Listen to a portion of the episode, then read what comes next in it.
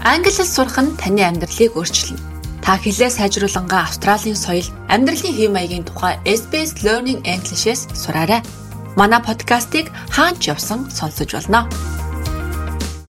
Та SBS Монгол нэвтрүүлэгтэй хамт байна.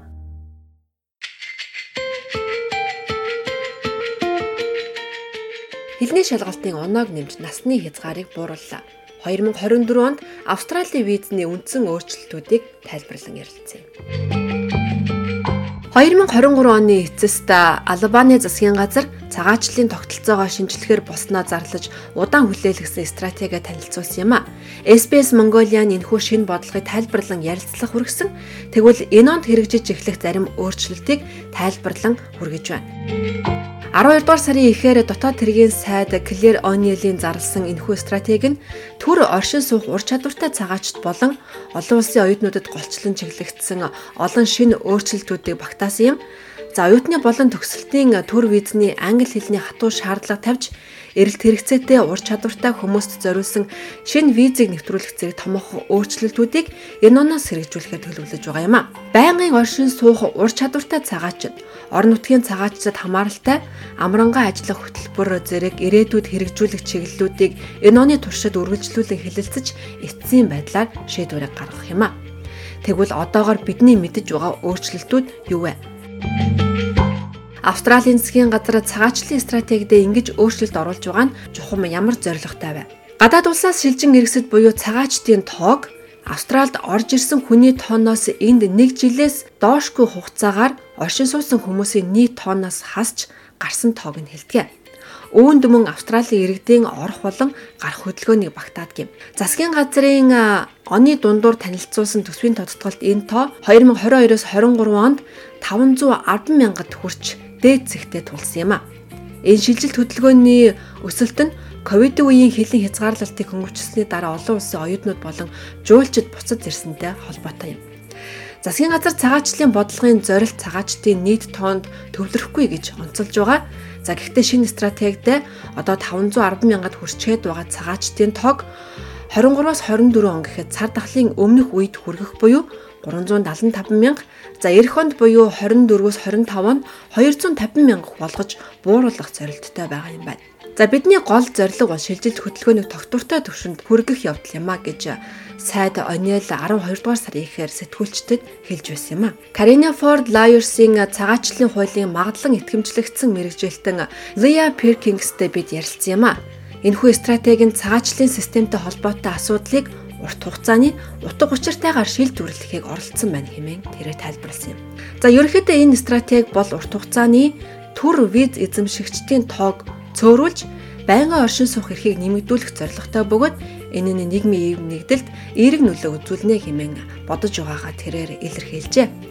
Энэ стратеги нь эцсийн дүндээ илүү ур чадвартай цагаачдыг бий болгож төр зүрийн шилжилт хөдөлгөөнөөс илүү байнгын шилжилт хөдөлгөөнийг нэмэгдүүлэх за түүнчлэн ялангуяа ковидтай холбоотой үүсэж байгаа цагаачлалын мүлжилгийг таслан зогсоох юм а хэмээн тэр найдаж байгаа юм байна. Өөрчлөлтийг үйлдвэрчний эвлэл бизнесийн бүлгүүд өргөнөөр дэмжиж хөдөлмөрийн нөхцөлийг сайжруулж эдийн засгийг эрчимжүүлэхэд чухал үр гүйцэтгэх нь хэмээн үзэж байна. За эрэлттэй ур чадвартай ажилчдад зориулсан шинэ визийг нэвтрүүлнэ Perkins хэлэхдээ хамгийн том өөрчлөлт бол employee sponsored viz буюу ажил олгогчийн спонсор виз юм. Засгийн газраас мэрэгжилтэй ажилчдад 4 жилийн хугацаатай төр визийг шинээр нэвтрүүлэхээр төлөвлөж байгаа. Энэ нь ажил олгогчоо өөрчлөх Австральд байнга оршин суух эрхээ олж авах боломжийг олгох юм а хэмээн үзэж байна. За энэхүү эрэлттэй ур чадрын визийг нэвтрүүлсэний дараа одоогийн temporary skill shortage viz буюу за subclass 482-ыг орлох бөгөөд энэ нь ажил олгогчдын дэмжлэгтэйгээр Австральд бүтэн цагаар ажиллах амьдрах боломжийг олгодог байх юм а. Засгийн газрын шинэ бодлого болон одоогоор өгсөн амлалтаас нь харвал энэ шинэ виз 2024 оны сүүлээр нэвтрэх бололтой байна. За уг виз нь 3 чиглэлд хуваагдах юм. Үүний эхнийх нь өндөр ур чадвартай цагаачдын өргөдөл гаргаж болох тусгай ур чадварын ангиллал юм. Энэ нь жилдээ 135 мянган доллароос дээш цалин авдаг хүмүүст хүсэлт гаргах боломжтой. За гэхдээ үүнд трейдис буюу ажилтан машин механизмын оператор жолооч нар оролцохгүй юм байна. Засгийн газар визний боловсруулалтын дундаж хугацааг 7 хоног байхаар тооцож байна. За Perkins-ийн хэлж байгаагаар ажил олгогчийн спонсорд визийг илүү хүртээмжтэй болгож байнгын оршин суух эрх авах боломжийг нэмж байгааг нь сайшааж байгаа юм байна. Тэрээр хэлэхдээ боловсруулалтын хугацаа илүү хурдан байх нь өндөр ур чадвартай ажилчдын сонирхлыг татах болно. Дэлхийн бусад улс орнуудтай харьцуулахад бид ажил олгогчийн визийг илүү төвөгтэй урт хугацаатай байдгаас болж чадварлаг ажилчдаа алдаж болзошгүй юм а хэмээн тэр тайлбарласан байна. Ур чадвартай ажилчдын урт хугацааны виз авах хоёр дахь чиглэл нь ихэнх төр амьдрах эрх авдаг байсан чадварлагт цагаачдын буюу Австралийн хомсдолтой гэгдэж байгаа ажлын байрны жагсаалтанд орсон мэрэгжилтнүүдэд нээлттэй байх юм а. За тэдний орлого нь 53 мянгаас 70 мянга орчимд байх ёстой хэмээн тодорхойлж байна.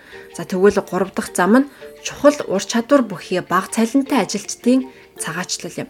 Энэ чиглэлийг зохицуулалтыг хэрхэн хийх талаар зөвлөлдөх уулзалт 2024 оны эхний хагаст эхлэх төлөвтэй байна. Тэгэхээр нарийн мэдээлэл одоогоор гараагүй байна. Дараагийн томоохон өөрчлөлтүүд оюутны визтэй холбоотой. Цагаачлалын стратегийн дагуу Австралийн байнгын төр буюу Визнес визний хооронд амьдарч байгаа цагаачдын ихэнх нь олон улсын оюутнууд болон төгсөгчд байгаа юм. Тиймээс засгийн газрын шинжилгээний гол зорилго нь тэдэнд чиглэж байна. Энд ирж байгаа оюутнуудын ур чадварын түвшин нэмэгдүүлэхийг хичээж байна гэж Пиркингс хэллээ.